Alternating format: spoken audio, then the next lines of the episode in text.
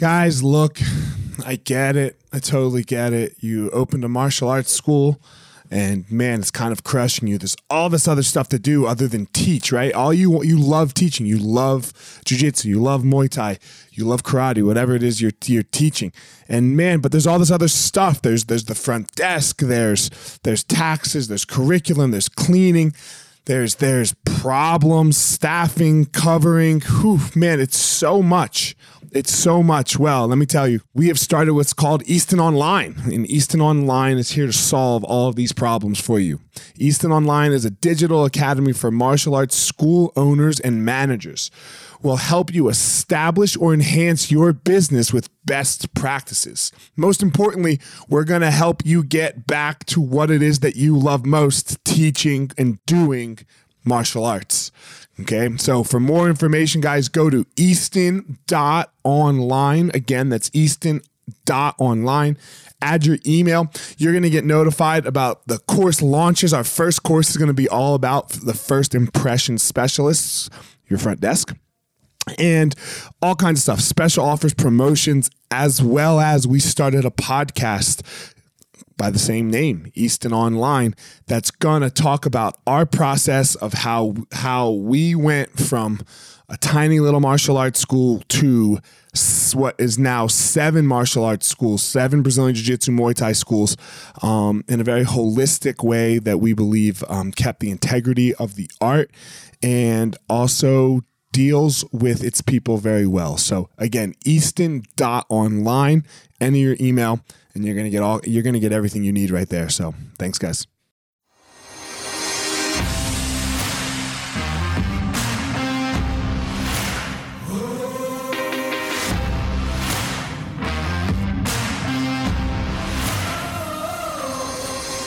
What's up, my ninjas? This is former UFC fighter Elliot Marshall, and this is the Gospel of Fire, where we are going to learn how to go into the fire so that we can find our power and live the best life possible.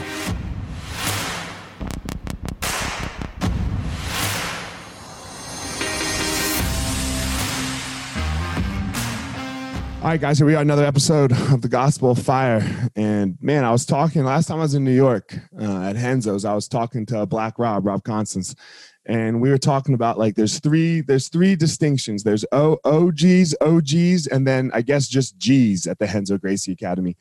And I, I got one of the OOs today, Jamal Patterson. What up, man?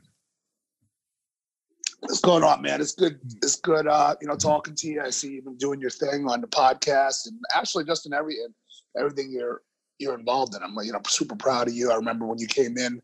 I think you might even been a blue or purple belt, and uh, yeah, and then to see you kind of go from there. You know, you did well grappling, you fought professionally, and you know now you're running your schools, doing doing a great job. You have a bunch of fighters, and, you know, students, and it's you know I'm proud of you, man. It's good to see somebody come from you know blue belt in jiu-jitsu coming to check out New York City to now you know running uh, a nice nice business and you know have a bunch of uh, fighters and people that look up to you.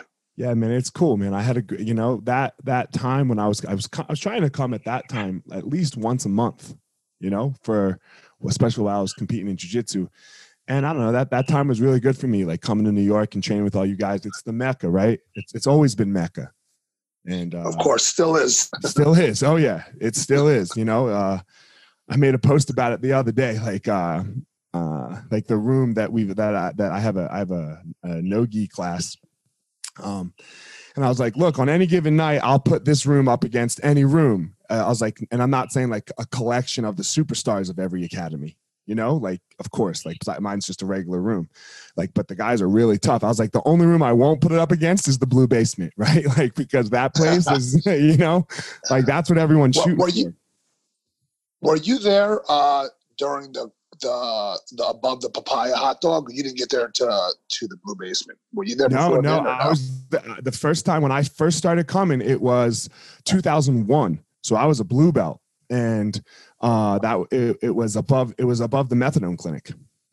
Okay, so that that really that that solidifies you as an OG. If you yeah, that, that, that that's the delineator. Yeah, if you had to ride the the, the the, the elevator up with the meth addicts, now you get to be OG status, right? Like, I, I, I remember that. Uh, I remember the elevator would be out, and I would have to go up the steps, and Yep. rats and mice would be running through the Uh, steps. and I'd I had a like, cou- "Oh, I, yeah.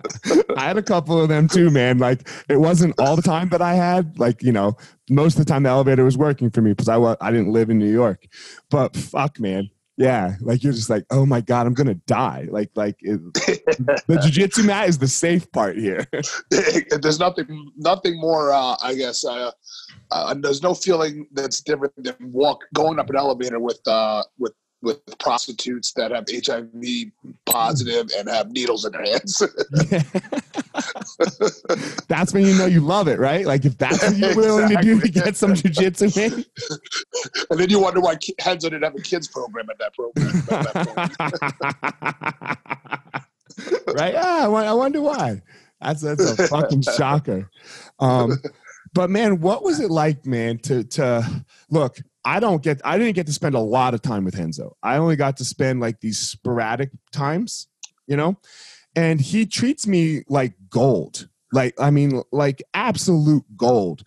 And at the same time, he's able to be very like hard on on you, like as you're coming up. Like not anymore, right? Like we're we're older, you know. Like we're just in the we're in the golden ages of jujitsu for us now. But while coming up, man, like he had this effect. He has this effect on everyone's life that he touches. What was that like for you? Henzo's Henzo's an anomaly, man. It's like he, he's it's you don't meet many people like him. You know, Henzo will smile. He's always happy. But I I never, you know, I always had that feeling like I could never let that guy down. You know, and he was very good at, you know, like if you doubted yourself or were, you know, maybe not wanting to go against someone or thinking about it, he'd be like, "Well, huh, my man, I'll fight him in a bathroom." you know what I mean? And, uh, yeah. you know, and I, I remember one of my first MMA fights. I was like terrified. I was I was gonna die. I was like I was hoping the building fell down. You know. Yeah.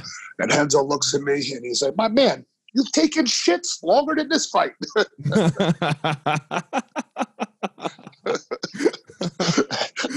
and, it, and it worked. It calmed me down. he's just it's you can't explain them. like i remember uh, one of my fighters cory sandhagen had a fight in uh, brooklyn.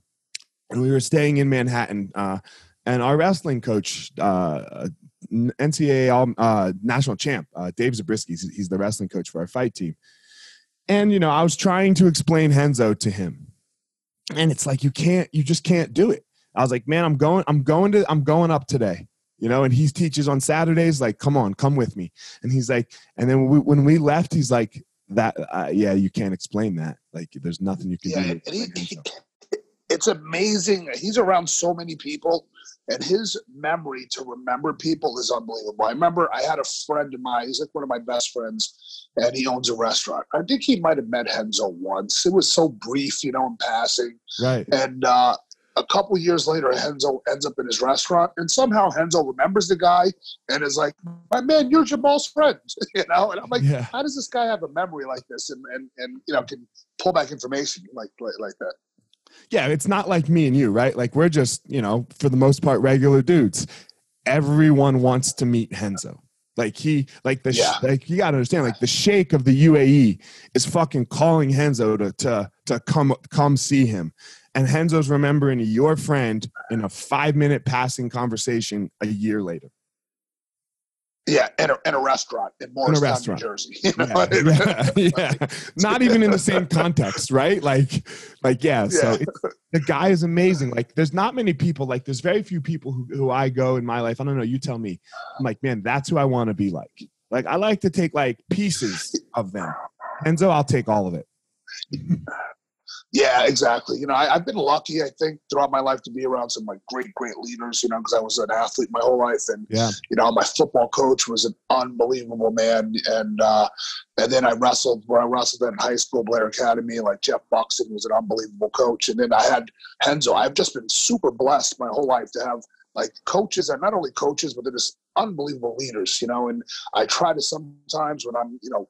Leading my team or working with uh, my students, I sometimes try to go back and reflect on like their what they thought, how they acted. You know, my football coach in college, always took blame for everything. Was nothing anything he did, if we lost a game, if you know we fumbled the ball, it was always his fault. You know what I mean? And I was something I never ever forget. You know what I mean? Because he was always like, at the end of the day, it, it lies on me, and that's and that's some and Henzo as well. Like Henzo's the kind of guy that, you know, he has that personality where you know he smiles at everyone. He makes you feel like you know like you can conquer anything, and to be around those kind of caliber people just really is like molded me as a person and also just makes me super like blessed to know that I've been able to be around you know men like that.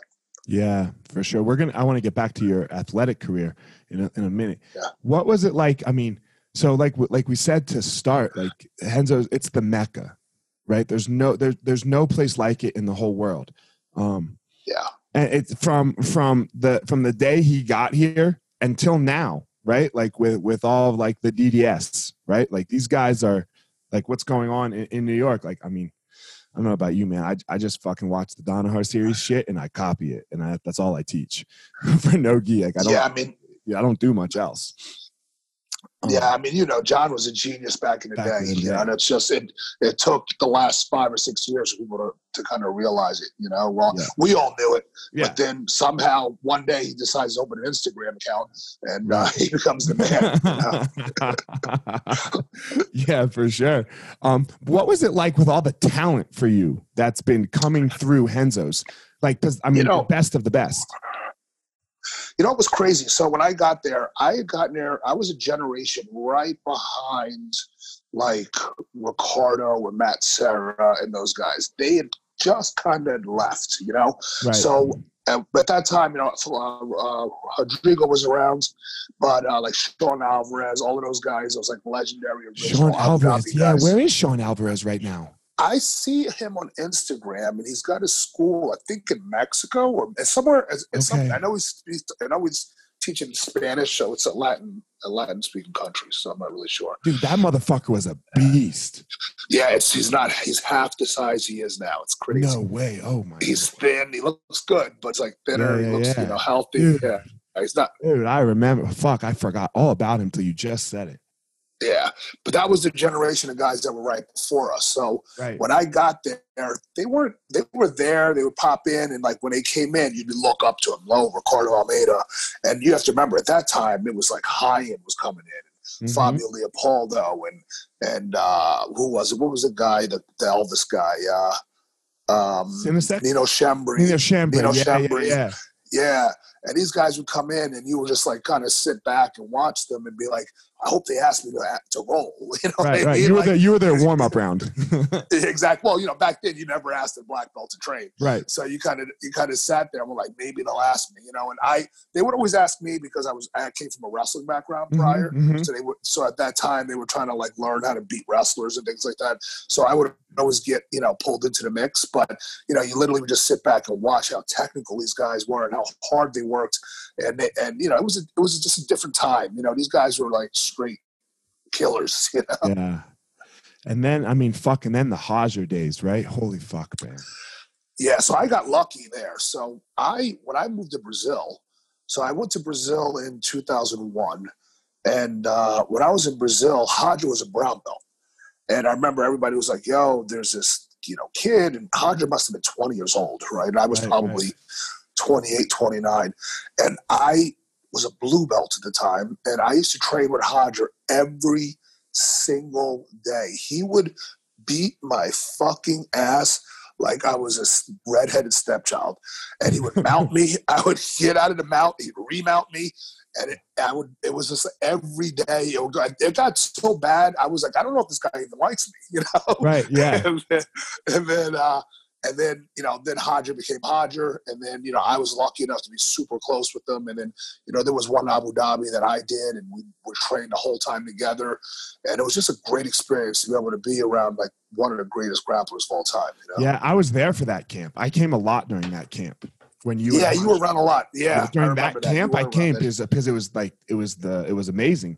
Um, and they were bigger guys too, and you're Yeah, a big there's- guy, so yeah, because you both were in, right? So Yeah. you got eh, right. So it was like, okay, where are you going to train? Like, uh, did you did you did you go that year? No, man. This this last year was the. That first was the- year I ever got in. Really? That year, Uh-huh. remember that year was the biggest bullshit ever. I remember having to wrestle off guys in my academy, having to go to Canada to train, then had to come back and then go to Abu Dhabi, make it, you know, make it to a qualifier, didn't get to the tournament, and then they were pulling guys out of the stands in my weight class and throwing them in there, and I was like, "What the hell's going on here?" Your first, yeah, I remember that. Your first match, you fucked that dude up, right? Did they pulled him in that the, the day before, right? Yeah, I think it was Travis View. Yeah, they Uh, pulled him right in, Yeah, and it was a bunch like Justin. Uh, Justin Justin Garcia did that year. Justin, yeah, Justin Garcia got in, and so did uh, Rick Macauley. A bunch of guys got in, like just off of like we need bodies, and I'm like, I can't believe I tracked my ass through Canada, had to do a wrestle off against one of my friends. You know, what I Right. mean, and these guys Yeah. getting called in that day. you I did the trials that year. We were in Canada together. I lost to Vera in the semifinals. And that's Oh, and then I beat Pharaoh. you right? beat Vera. You you did your arm and guillotine thing. The the the uh, Yeah, that the, shit ka- don't the work. tatami. That shit doesn't work anymore. Everyone knows to escape to that now. yeah, you were the first one to show it though, homie. yeah. but dude, I remember one, in during that camp there was one training session where uh, I was Hodger's warm up round, you know, and then we all trained for forty five minutes straight, you know. And the first round, like I was his warm up round, it went okay for me. I didn't do poorly, and I was like, oh damn, that wasn't that bad. All right, I was like all proud of myself. And then Hodger was like, hey, one more round, because I I knew he probably knew what I was thinking, right? Because he had already won the worlds, and you know he's the fucking man. And dude, holy fuck, he mounted me and he armbarred me 14 fucking times. 14 times. And then uh, I go uh, sit next to you on the wall. Like I'm just disheveled. Like dis- like I'm broken. Like like I I literally like I, I probably would I think I, I might have rather gotten raped. And you look at me and you know, and I had just gotten there. Like I wasn't there yesterday. It was the first, the first day of my week. And you look at me and go, It's cool, man. He did that to me yesterday. I remember, I remember Hodger mounting me, and he had my face, my chin, and my in his face, my shoulders like gonna dislocate, Yeah. and like I literally give, I give him an arm bar, right? hmm And all of a sudden, out of the out of the corner, here Henzo go, "Hey, motherfucker, you let him get that? You let Yeah. him get that?" Yeah, yeah, man, dude. We had the same experience. Henzo yelled at me too, and I'm like, Henzo, it's the 13th. Like, I can't fucking defend this anymore. Like, the worst with Hodger was Hodger would mount you, and I would do everything I could, and I'd work my way out of the mount, get out, and then he'd Yeah. mount me again.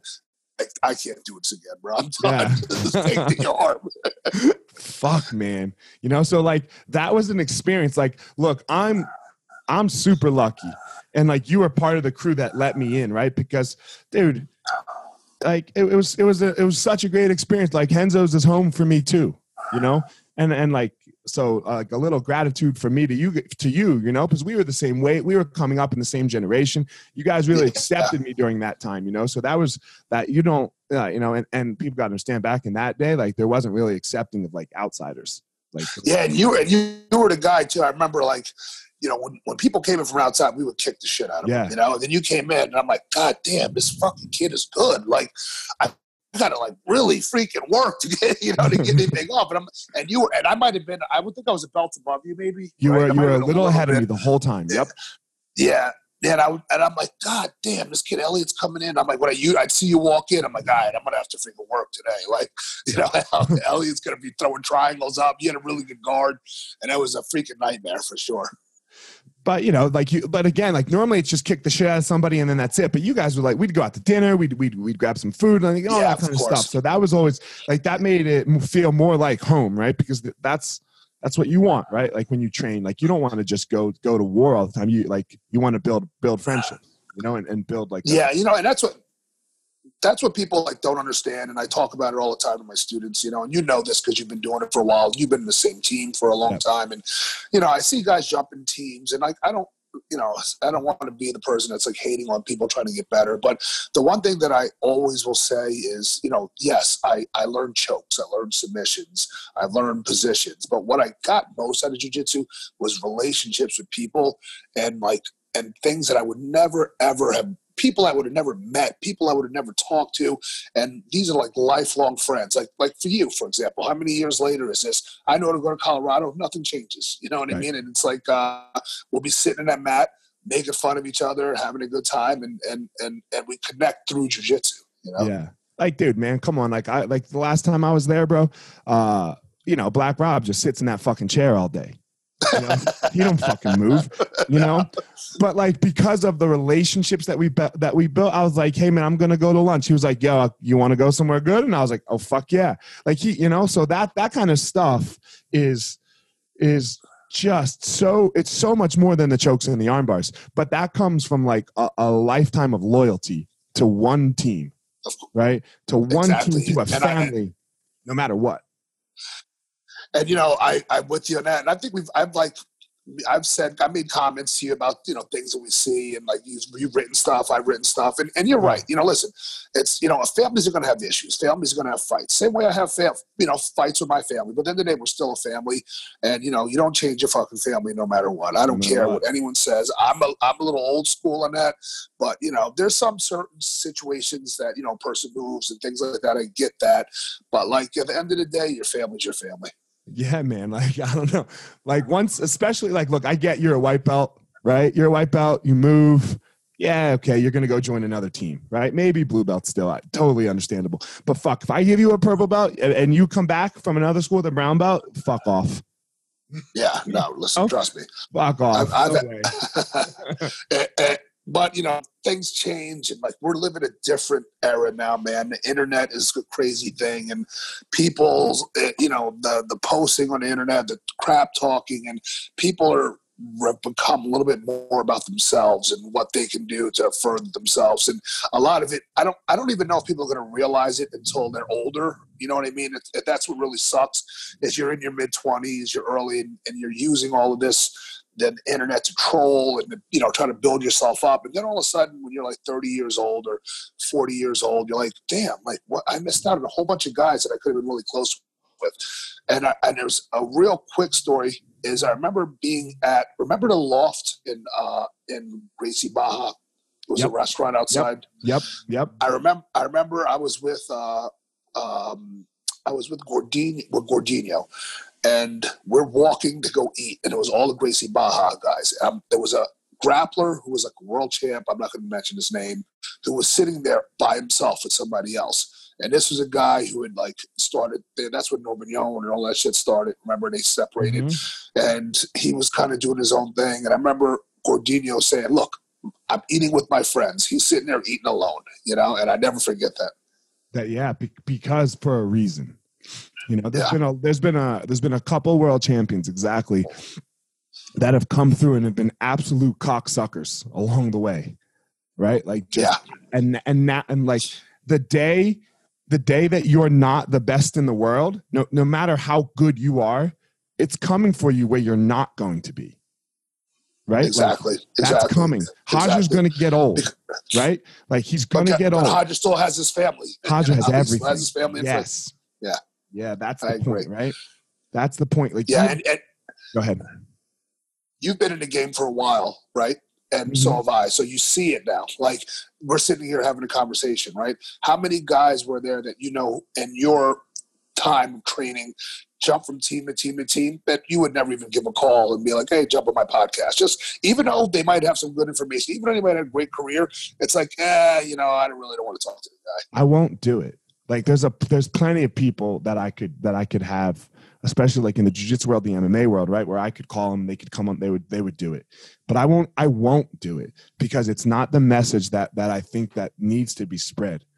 You know, the the, the message is is unity. The the message is there's no such thing as a, a self-made man. I don't believe in that, right? Like like you somebody brought you up, you know, and and a lot of luck went into it yeah, you know, I had a fighter who left, you know, and I remember they said something to me. Uh, one of the like, you know, listen, uh, you know, at the end of the day, it's just them in the ring. And I was like, yeah, it's just them in the ring. I'm like, you forget all the people that you had to train with that had to that had to get you better, that had to do this. Like when you step in that ring, it's not just you. You're bringing in all your freaking training partners, all your coaches, the whole everything that you did to get there. That that's what you're bringing into the ring. And when I heard that, it just disgusted me. Yeah. Yeah. It's it's uh fuck man, it's so hard for people to see that, you know, but it, with Yeah. age that comes. You know, with, with age that of comes. course, of course. Look, we were lucky. In, in my opinion, I was so lucky to have Amal who who who influenced me and was able to get me around all kinds of people. So that that that spread that really close yeah, but knowledge. Amal, Amal, Mhm.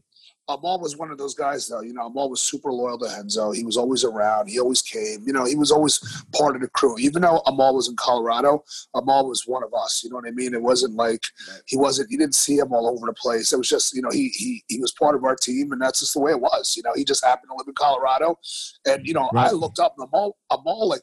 Amal was one of the first guys to really take jujitsu and and and and uh, kind of make it a business. You know what I mean? And make people, uh, uh, but I, I, I guess, grow the sport because you know the thing that really was a shitty thing when we came up. There was a lot of people that walked into our room that never had the opportunity to gain anything from jujitsu because guys like me and you beat the fucking shit out of them and then they quit the next day. You know what I mean? Where where you know guys like Amal started coming in, he started making it. Uh, a school, an academy, the same way Henzo and everyone else does now, where it gives guys that maybe not didn't have any confidence, that that weren't super athletic, but now all of a sudden they gain all of this technique, this knowledge, and they become part of a team for the first time. And like you know, yeah, maybe it takes me and you five or six years to get a black belt. It might take them twelve years to get a black belt, but at that twelve years, we're all at the same place. You know? Yes. Yes, that's a great way to put it. And fuck, man, like now, dude, um, we have, you know, with you know, Amal and I are together, we're business partners. Um, we, you know, it's crazy. We have 84 black belts. No, 90. I'm sorry, 92. We just gave out eight. It was it was, it was a really cool Jeez. thing. yeah. And and it's because of Yeah, I'm that. at- I think what- I'm at. go ahead. I said I was like, that's crazy. I know I'm trying to. I got to think I'm at like 19 or 20, but 84. That's crazy. That's so many. That's awesome, though. You know, Yeah, like think about when we first started. If you were purple belt, that was a big deal. you were a killer. You were a killer, right? You were a fucking Yeah, killer at purple belt.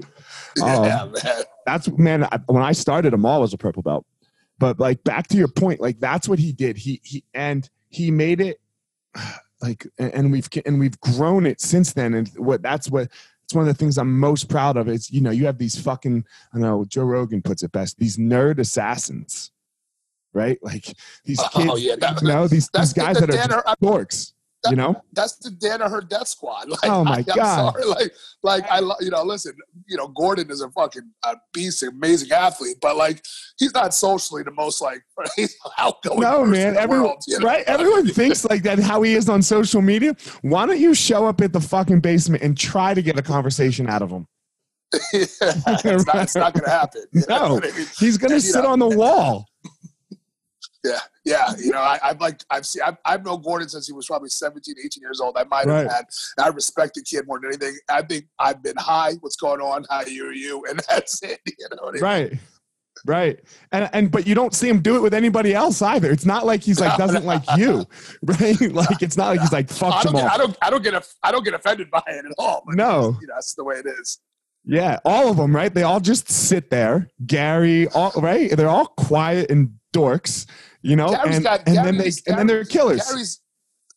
Yeah, Garry's got some personality. Garry was is, is, a, is a pretty funny kid. You know, he's he's got a little bit more personality. He's you know he's uh, he's there. But I, I was going back to the Gordon thing. You know, he's like Gordon's ability to troll people on the internet is at a level of like. So every once in a while, I'll see him post something. And I and I'm a guy who likes to joke all the time, Right. you know. And I'll be like, "Let me put it." I was, and I'll like write something and like want to joke on it. And I'm like, "Hold on a second. Like this kid takes it the long, wrong way. He might find a picture of me from like fifth grade when I was getting pinned by someone and put it all over the internet. So I'll just be like, I'm not gonna even mm. joke. I'm just gonna keep it. Yeah. Dude, he's his his his grappling ability is unreal, huh? Fuck. Yeah, I've never, I've never seen anybody. I mean, I wasn't really, you know, he kind of came up when I was not in academy as much, so Right. I, I didn't really get to see. Well, that's not true. So he was with, he was down in South Jersey, and I would see him in South Jersey, and he was an insanely talented kid, you know. And then he just kind of shifted that shit into overdrive when he started going into the city, and I wasn't there for that, but you know that kid's got a special gift. I've never really seen. I've never seen anything like that. I mean, the kid can do everything from every position, and you know, from top, bottom, leg lock. He's just he's just a different level, and it's it's awesome to see. You know, he's basically the Michael Jordan of the sport right now. Yeah, yeah. You know, I wish the Brazilians would fight him. Like, like Yeah, you I know, mean- you see, you see him kind of run from him a lot, or just not Yeah, have a match with him. Like, and you're like, dude, come on. Like, I want to see. who I want to like, like, I really wish Buchecha would have gone after him. Yeah, I mean, Buchecha just you know he did the best he could not to get scored on. You know what I mean? He Right, sat down right. and hand fought him. But I mean, Right. that happened to Hodger too. Do you remember that happened with Hodger? Guys were trying to stall Hodger out. They were trying to. If you remember. Yeah, I remember. I remember like Jacare would try to run from him and then like take try to take him down and and and get a quick you know couple points that way. But he was hard. I never forget that Abu Dhabi I fought in. He was going against Xande, and I watched him literally grab Xande. He was trying to run out of bounds, pulled him back in bounds, and submitted him. Yeah, And Xande's like one of the best guys in the world. in the know? world. Yeah, Hodger, Hodger's a special animal, man. You know, Hodger's Yeah. a spe- like what he with hit with his last Buchecha match a couple years ago. That that solidified him as as the the all time goat. Like there's there's no Yeah. one's gonna get him. You know. Yeah, especially with the gi, especially with the gi. You know, him and Gordon. A lot of people are going to always make that comparison, but it was two different animals, two different times. It's hard to compare. You know. it's very it's very hard to compare. But you know, for like I, I've never felt anybody like Hodger. I'll say that. Oh, no. I would say the top guys uh, that I went against were Hodger. Uh, you know who was probably the one of the most underrated, but one of the toughest guys who freaking I felt like was just always a step ahead of me was Ricardo Almeida. I heard I Ricardo never was a- trained with him, bro. bro. Ricardo was like, he just had a, a speed and like a, a, a fluidity of him that he just would get ahead of you. And uh, the other one was Jerry Rinaldi. Really? Hmm. Wow, Jerry Rinaldi is one of the best guys I've ever grappled with. Jerry is a straight beast. He not only can he wrestle, he can grapple. Like he Yeah, yeah, can yeah. grapple. I was I was super disappointed because they were trying to get him into Abu Dhabi this year. What weight? And uh, can you hear me? yeah. What I, weight? I think it was I think it was at your I think it was at your weight class. Ultra weight. they were trying to get him. Yeah, they were trying to get him in, and uh, they weren't. They just they just let it happen. They were just saying that he didn't. You know, he hadn't wrestled. He hadn't done anything in a while. And I was like, you know, Jerry you can still get out there and mix it up with the guys. Sure. Yeah. Fuck. Um. So what was you came up very athletic, right? Like you for you, sports was like the the way you what you played. You played college ball. Like so. What what what Yeah, What was that like? You know, being like you talked about it earlier, like such great leaders. Because you, Blair Academy is one of the best schools in the country. you know? yeah, yeah. I was. I mean, I didn't see. Here's the crazy thing: sports became the biggest part of my life, but I didn't play sports until I got into high school. Like I was a kid that was from New York, and my parents were like, "Let me get this kid out of New York City." Moved me to the middle of nowhere, New Jersey, and uh, all of a sudden they were like, football tryouts were there. They're like, "Go run a 40. I ran like a four or five forty, and they're like, "Wow, this kid can play football." So Dude. then, yeah, yeah, like they they, yeah. so then. Oh, hold know, on, man. they- Hold on. I remember Henzo was making us do sprints one day, you know, uh, and you were just smoking us, fucking smoking us. And then you started talking shit to us, and you were like, "Watch this, motherfuckers! I'm gonna smoke you running backwards." And then turned around and you smoked us. I was running. As, we all were running as fast as we could forward, and you smoked us running backwards. I was like, "Fuck you, dude." I don't even. I, I, I can't even run the sprint now. But not, So anyway, back to it. Go ahead. So you know, so then I uh, when you know I was in high school and I just you know p- picked up sports quickly, and then they started. They were like wrestle, and then I was like wrestle. What the fuck is wrestling? You know. and I remember my first day of wrestling practice being like, these guys are touching me. I don't want to be touched. Like.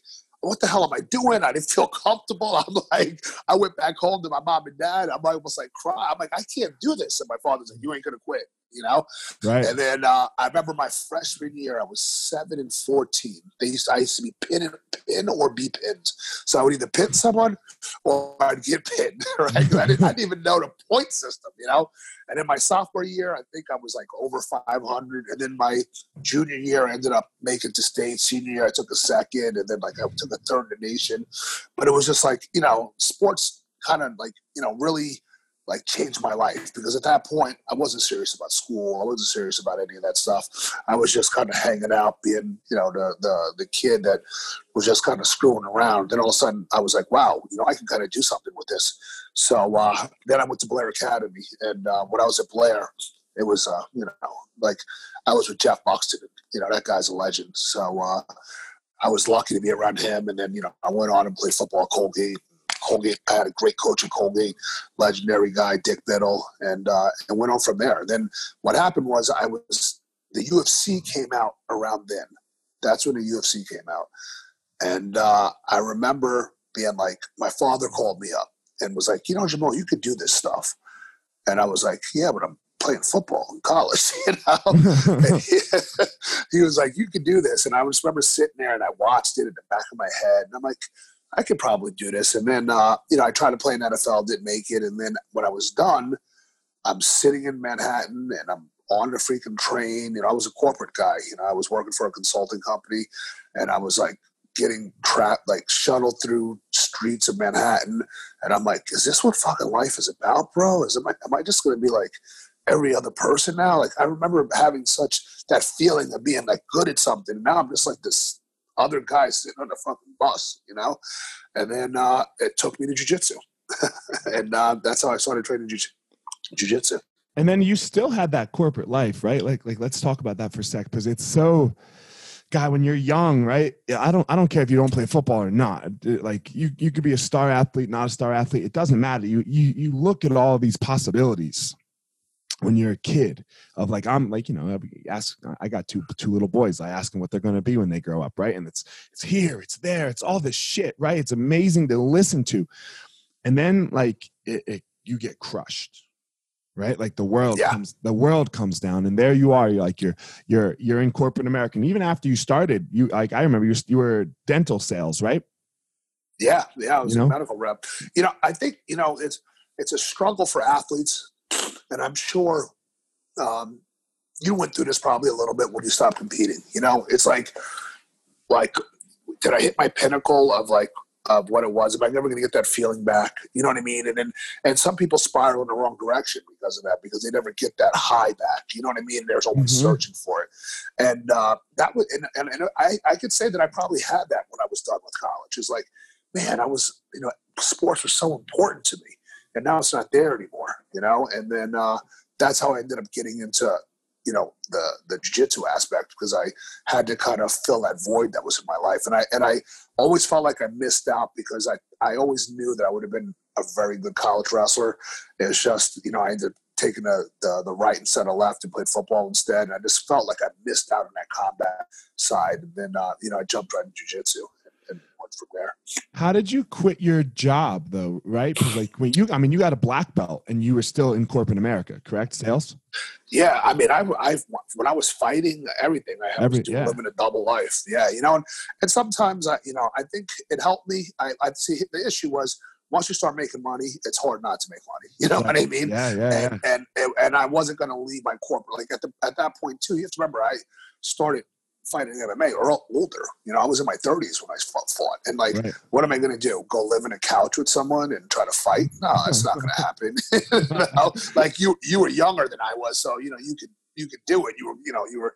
But I was in my fucking 30s. I had, you know, I was, I was I think I just met my ex time. I was living in a nice place, a two car car. I'm like, I'm not gonna like give this all up. So uh, I was lucky though because I worked in an outside sales job, so I can kind of you know move my schedule around and do what I had to do to, you know, get my job done and then come in and train every day. But, you know, sometimes I'm like, well, how good could I have been if I just did it full time? But in the same sense, I wasn't going to take that risk because, you know, you know how it is. I mean, how many fighters do you know, and how many of these fighters are are, are millionaires from fighting? You know. It's not even that. It's they, they, the at the end, most people's life doesn't go well.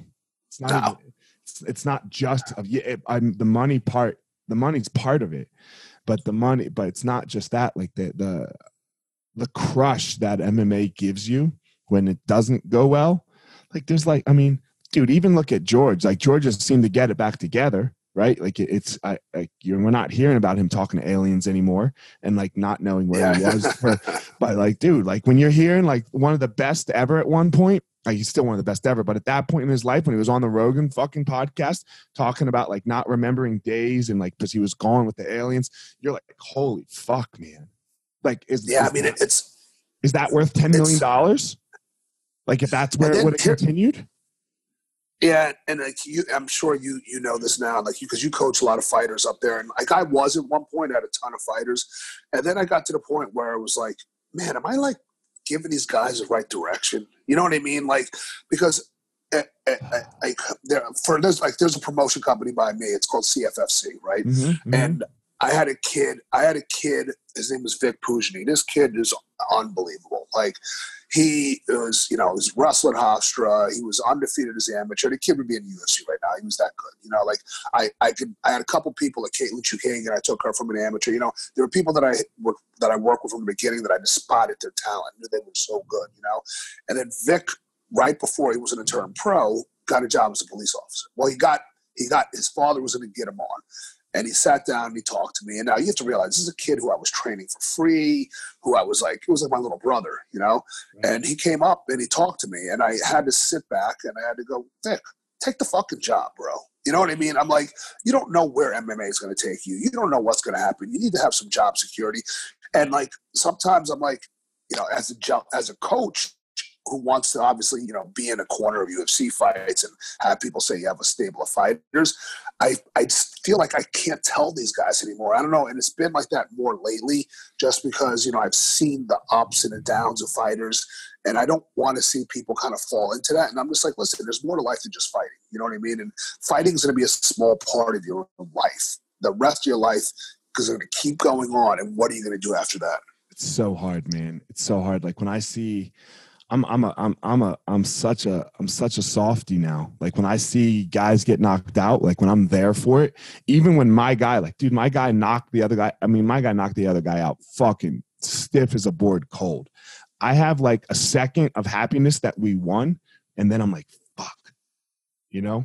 I'm yeah. God, what's this guy dude. gonna do now? Right? Yeah. like, like, dude, his dream just got crushed his dream guys, his life like come on man we've all been beat up right? When you get fucked up it's not like it goes away in a day.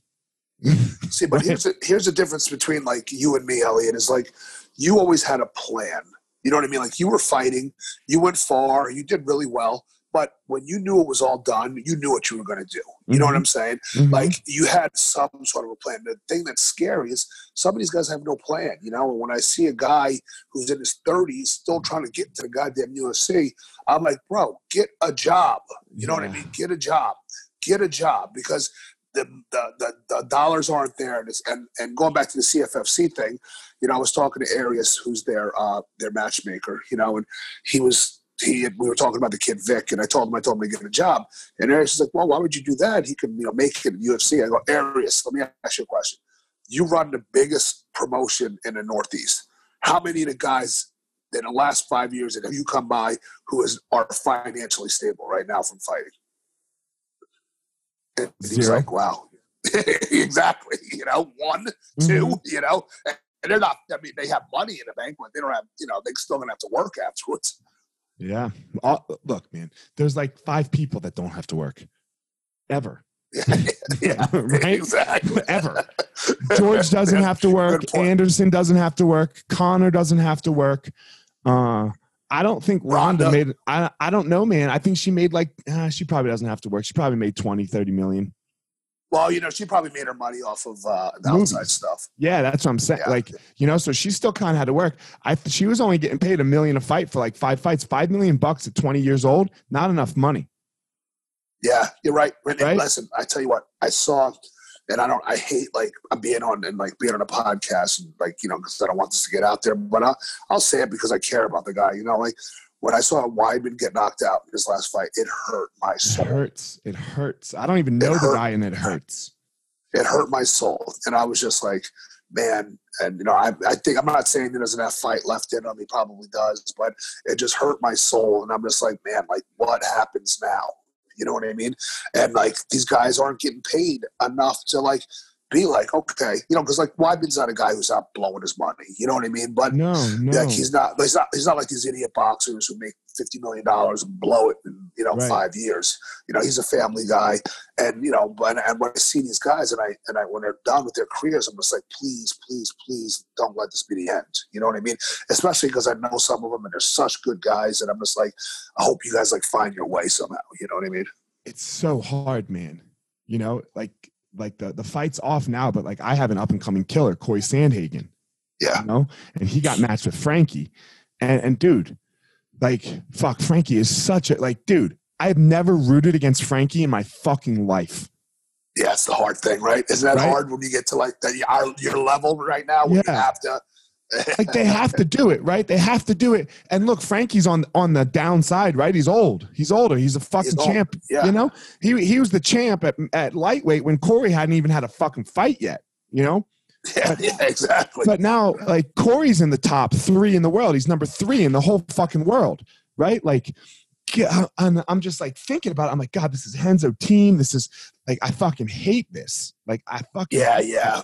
Because you're like, But now it's it's off. it's a you know? business now, and you It's have a to business do it. You know, You have to do it. You have to, right? Because, and like everyone understands, right? Like I, you know, like I'm because Frankie, Frankie almost fought Aljo, and that's Ricardo and Matt Serra, that- which is even closer. yeah. I mean, it, it's it's happened. I mean, it's happened. I mean, Aljo had to fight Marlon. You know what I mean? Right. And like, there was a there was a lot of like really close. I mean, fuck. I mean, Paul Felder fought Edson twice. The first time right. they fought, and then Edson, and then Felder was training with us a month later. You know what I mean? GSP, So- Matt. Yeah, that was, that like- was the weirdest. That was like that was the first one that I saw that it like crossed the boundaries, and I was like, all right, where we go now? You know? Yeah. but dude, you know, but then that again, that's kind of a testament to Henzo, right? Again, like Oh, Henzo, Henzo's he made it right. He made it right. Yeah. Right, because they both came to the city now, and and look, John and GSP was the John was GSP's trainer, and Matt and John are still friends, right? But I think that fight he didn't corner. I don't think he No, he coached in that fight. Yeah, He- no. But but what I but that's old school. Now guys don't give a shit. But they uh when the one thing though is like you have to remember though Matt and George are two different kind of guys too. They're like you know they're not those kind of guys that they can get over that kind of stuff. They're good dudes. sure. You know what I mean? Yeah, Like you know when you look at uh, Matt Serra, good guy. You look at George St. Pierre, good guy. You know if you so it, that works. It, that'll work its way out. You know. for sure. No, for sure. Um, and it's just it's just a hard thing, right? And as we watch these champions age, you know, like you just you want the best for them too, right? You you want the best, and it's that's why like getting back to your point, it's so hard. Like ah, God, I try to convince everyone. Everyone comes in and when they say they want to be a fighter, I'm like, please don't. And I'm kind of a dick at first about it. Like I'm kind of mean to them because I want them to quit. yeah. right? I, I want you. I want them to quit. I don't want you to do this. I want you to do jujitsu or do Muay Thai. That's amazing. That will change. That's like change your life shit. But but the most likely MMA is going to take you down an awful fucking path. and and it's like a drug, bro. You're gonna be chasing that freaking high, and you're gonna be going down that wormhole. You're gonna be, you know, and then once that shit starts, you know how MMA is too. It's like once Dude. you have a couple losses and your mind starts playing games, bro, you're done. You know, Done. you're done, and that's done. that's when when I pulled it. When I, that's when I stopped fighting. I was like, man, I'm out here and I'm not working the way I was. And my mind wasn't. And I'm like, you know what? Before I get hurt, let me get the fuck out of this ring. You know? Yeah. It, it was it was one of the greatest things I ever did. I I, I won't say that it wasn't, but it but like I can't. I, again, I got so lucky, man. Like I was looking at the like I I thought Vera was my last fight, um, and I didn't get fucked up, right? Like uh, like I like the guy I beat his fucking ass that fight. I don't know how anybody thought I lost that fight. I, I don't. I don't. I don't remember you. fought- I didn't remember that fight. You fought Brandon. Vera. I fought Brandon Vera. I fucking dropped him twice in a round and broke his arm. He his arm fucking snapped in half, and somehow I lost the fight. Really? I don't remember. I don't know why I remember. I don't remember that fight. Yeah, we 2011. I feel like I would have had my eyes on that one. Yeah, I, you know, Sure, we're both the same. We're all the well, the three of us, right? We were coming Yeah. up to to at the same I must have watched it. I'm just I'm old now. Dude, so it was, te- it was a decade ago, bro. It's cool. Oh my god, I'm getting you know but anyway right like i that fight was on a saturday on a tuesday then the next tuesday i looked at the building that that our denver school is in now so like i had this like immediate transition and i think where guys really get stuck is when they don't have that. They're like well what the fuck am i going to do now? And like you know uh, i know we love weidman right? He's he's fucking henzo gracie. Like he's probably there right? Like he he makes 250 300 grand a fight which in fight is in the fight game that's good money right?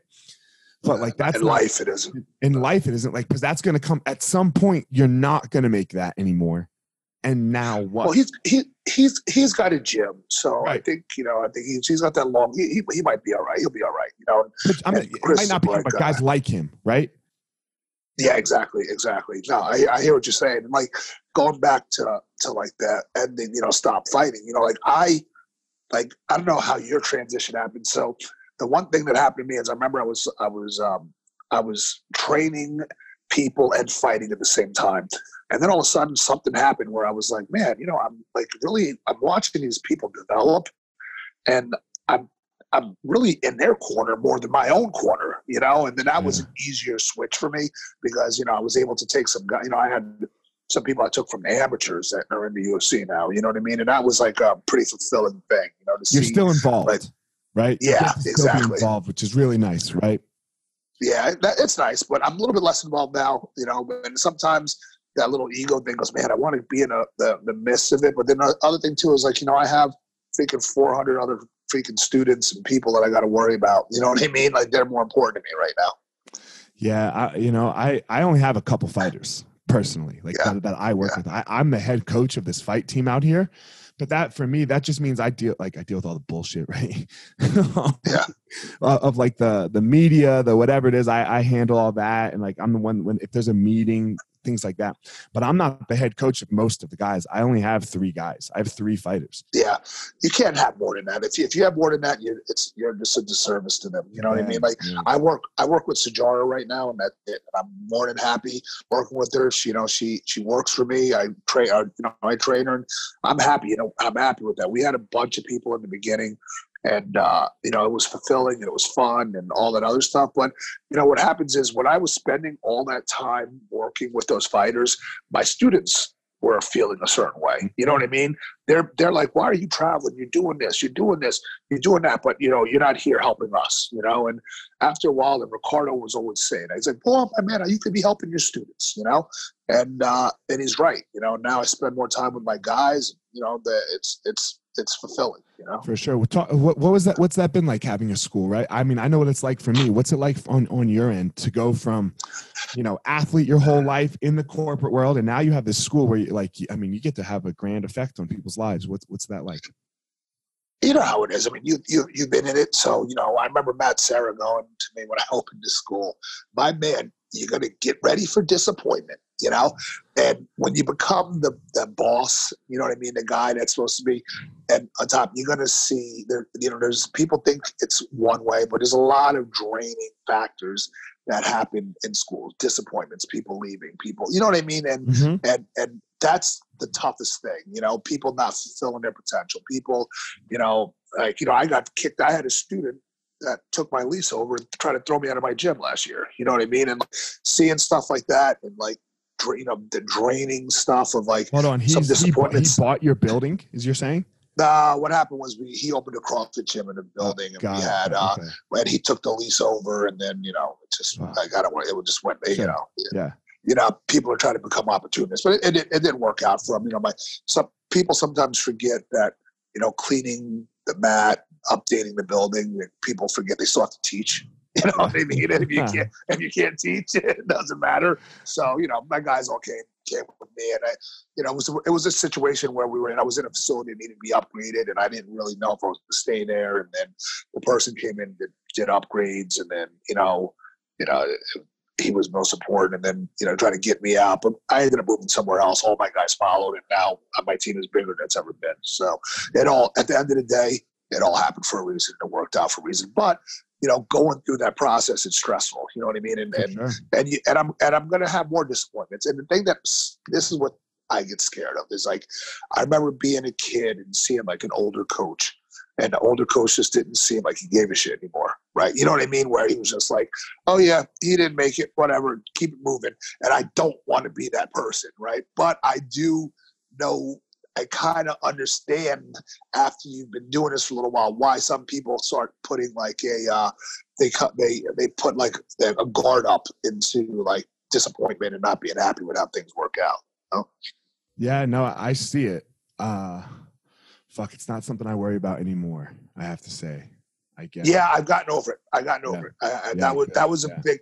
But that's what that's what I was saying. My point was is I was saying that you know uh, learning how to get over that stuff and learning how to become a better leader is is is a process. You know what I mean? And I've become better at it. I've had to teach myself how to become better at it, and that that learning experience is becoming valuable. You know what It's I mean? And- invaluable. Yeah, I'm glad you're talking. Yeah. about but but you know you have to go through it to understand it and it could break a lot of people and it could make a lot of people and then you know and you have to people are more resilient than they believe they are you know what i mean people have the ability to overcome obstacles that sometimes they never thought they can overcome as long as they stay on the path you know what i mean and by staying on the path is trying to put themselves in positive situations you know what i mean like block that negativity and that bullshit out. You know, if you hear negativity, I'm going fucking left. You know what I mean? Oh, I Oh, don't yeah. need to hear that shit. You know, and, you know, you know, it's like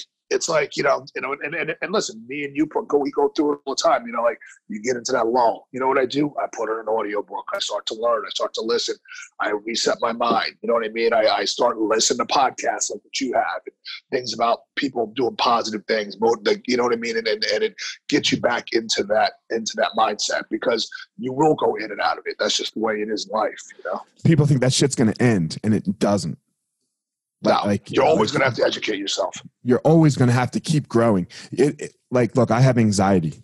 You know, I, I have really bad anxiety, and I know I, I used to want it to go away. And in the moment, I always want it to go away. Like if it's really bad or something, I'm like, God, fuck. But I know, like, once I say, God, I hope this goes away, I go, oh, no, no, hold on. I know it will go. Just sit in it. Just be in it. It will go. What do I do to get myself out? I learn, I read, I study. Just everything you just said. I listen to podcasts. I get positive people around me, and that's it. Yeah, exactly. Bro, listen, I didn't know what the God. People used to talk about anxiety, I'm like, what the f is anxiety? Right. And then about about ten years ago, I was like, oh shit, I know what anxiety is now. You know. Ah, yeah. And, and, then, and then once you get it, you get it all the time. Get it you all know the what I time. mean? And Mm-hmm. uh, bro, I get it on planes. It's the worst thing ever, you know. Yeah. But you know, I, I've had to learn how to deal with it. You know, and and anxiety can break you if you let it. You know, but you could also take that anxiety and make it productive. You know, and and figure out a way to challenge yourself to to grow. You know, that anxiety means that you at that point in your life, that means that you need to do something else to get yourself out of that place. You know, it's almost like a, the anxiety for me becomes a reminder that I need to go and do something different to get better. You know what I mean? Yeah, if I'm not right. getting anxiety, if I'm not getting anxiety, it means I'm not doing shit. You know? and then it's gonna come, and then it's gonna come really bad Yeah, exactly. because I'm not one, I'm not paying attention to it, and two, I'm, I'm like sitting on the fucking couch or whatever it is I'm doing. It is not good for a human soul. You know, No, I agree, one hundred percent. fuck, man, it's it's it's interesting to hear. Like, I think more conversation, like what you were just saying, like you didn't know it, you didn't even know it, now you have it. You know, and you're, I mean, you're like, dude, you're an athlete of all athletes. You're, you know, and you've been super successful in your whole life. But yeah, it, we all we all can suffer. You know, big, strong, Yeah. fucking, you know, and And, it and I doesn't think, mean you have to. Go ahead. yeah, and a lot of it is is a willingness to understand it. You have it. You know what I mean? You fight. You like you can say, "Oh, what is this? It's nothing. I'm fighting it. It's not a big Right. deal. Like whatever." And ignore it. Ignore it. And that's what crushes people. When you ignore it, is when it crushes you. You know, and you have to accept it and just realize you need to freaking make some changes. To get, you know, to get things going. Fuck yeah, man. It's it's the in is the only way out. Yep, hundred percent. In is the only way out with everything.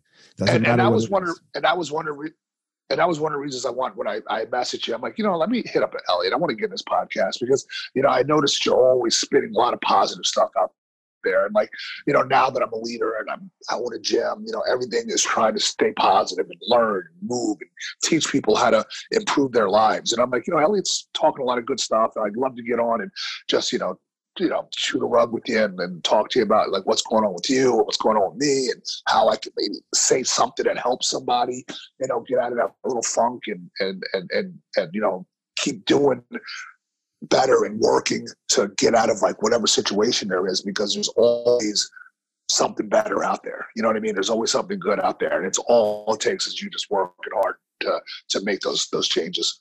And it just takes this man, like like two two guys sitting down having a conversation, or two girls, or a girl and a guy. I don't, you know, I'm not I'm, I'm not saying the sex is here, right? Like like who, people need we need to talk to each other. We need more exactly. like, in, interaction with each other where he's like, oh damn, where like you get it like, oh damn, yeah, man, me too. Like I'm like this too, and and that is we ha- it will show us how similar we all are, rather than have like the rest of the world screaming at us how different we are, and that just divides us, and it's going to build on our anxieties and our depressions and our separations and all of this. We're we're the same, every single one of us, whether you voted for Hillary or you voted for Trump. I don't give a flying fuck we're the same. Yeah. We want the same things I, in our lives. I agree 100, 100%. You know, it's funny. It's like, you know, uh, we're all like different packages, but at the end of the day, people are very similar. And they might have different, they have, everyone, they might have different concerns, but everyone has concerns. Everyone you know? has concerns, and we want we want to love our family. We want to feel safe, and we want and we want and we want to have friends. You know, and we and we you know. Of course. when I say safety, safe, like you want to feel like you can eat tomorrow uh, you have a house over your head like this is everyone these are all of our concerns so can we just start there right let's start there with everyone and now how do we do that the best in my opinion we do that the best on the jiu-jitsu mat you know so. uh, that, the jiu-jitsu mat is the most purest way to get out energy stress and it and it, you know the, you can't the, the mats don't lie they never lie and they build the brotherhood man you know? Yeah, absolutely. 100%. They build a brotherhood. Like once you go to war with people, right? Like once you go through that that 2005 ADCC camp with people, like you're just that. All right, we're just in, right? We're we're just in forever, and that's and everyone can have that.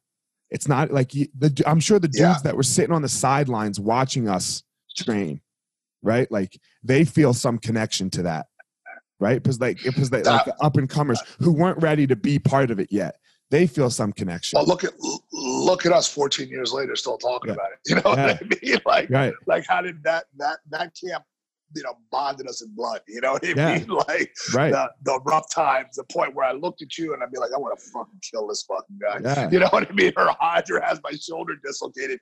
But guess what? At the end of the day, you love each other. And like, you know, I always I always say this. So I have a couple friends that that are, you know, I they they're running kind of the same circles, but they were guys that were boxers, you know, right. they and they were my they were my boxing training partners when I was training, you know, and whenever anyone sees them and they're like, oh, do you know Jamal? The first thing they'll be is like, yeah, tell Jamal I used to whoop his fucking ass when we trained, right? now, it, now listen, now if someone else said that, you'd be like, what? And then when you realize it's like that person you just look and you laugh and you go, "Not a motherfucker." Right. You know what I mean? Where where it's like once you once you like like if I said that about you, like oh I used to whoop Elliot's ass, it wouldn't then uh, it would it would come from a place of this fucking guy. You know, it's yeah, like it comes funny, from a place of love. Like a, yeah, yeah, exactly. And and only in this kind of sport can you do that. Like, what other sport do you try to choke somebody, and then afterwards you fucking clap their hand and fist bump them? You know, because you have to like it, it, it's such it's such a dichotomy, right? You're trying to kill me, but you're trying to do it with love. You try you have to do it while taking care of me. It, it's right. Of course. It's of it's course. The, when you have that yin and the yang going on, it's both things going on at the same time. You're not really going to try to kill me, but you are really going to try to kill me. But you you're going to take care of me. But oh shit, you're trying to kill me. So when both yeah. things are going on, you have to find some middle ground in there. And and there's no place yeah, better that does this than jujitsu and, and and then at the end of the day, you have to remember, like you know, we're just trying to get each other better. You know what I mean? Yeah. Like I'm like my me trying to choke you, or you trying to like get out or on me and get all you know beat me. It's at the end of the day, we're making each other better. And like no, you don't cheer for anyone more than you cheer for your training partner. No you know? Way. No way. I agree. So, and I remember that year, that year in Abu Dhabi, me and Hadra on the same side of the goddamn bracket. I do remember that. and I was like, I'm like, fuck, I do not want to, because I, I, I did not want to go against Roger and everything. And I was like, just because he's a Gracie. And it's like, and I was like, I just did, you know, he's my friend. And I was like, and then I ended up going to like five overtimes with Xande. Right. yeah. me, but he, uh, you know, now, now with ADCC, it's the second round. You go with, you know, you, you, you get one match free like not against your teammate, but if there's two team, team two teammates in the same bracket, it's the second round. Like in the in the absolute, Garry and Gordon had to fight each other in the second round. Yeah, that's crazy. You know, Garry was Gordon's instructor. Teacher. Yeah. Yeah. So that's crazy. Cool, man. All right, man. I appreciate you coming on. Thanks for hitting me up, man. Like I always like uh uh talking talking to my homies from, from the from the old school days. So I really appreciate you hitting me up and, and, uh, and doing this together. All right, brother, man. You're doing a good job. That's I want to get on, man. I was like, you know, listening, following your stuff, and I think you're doing an awesome job. You're sending a great message out there, and you know, keep plugging away, brother. You know, man, like it's it's about consistency and about like changing people's lives, and you're doing the same thing, right? Like with your school and, and all the things that you're doing with your world too. So, man, fuck, I appreciate it. This is gonna come out uh, next Monday, so not not two days, but the one the following. Uh, I'll send you the links and all that stuff. All right, let me know. All right, brother. All right. Take care. I appreciate it, man. Have a great day, Jamal. Yep. You, you too, man. All right, guys, go out there, find your power. All right, everyone, thanks for listening to this episode of The Gospel of Fire. If you enjoyed the episode, I'd love a review on iTunes or wherever you are listening to this podcast. Don't forget to follow me on social media at Fire FireMarshal205. If you are a BJJ enthusiast, check out my YouTube channel. I put all kinds of instructional DVD uh, videos out on there, so go check it out.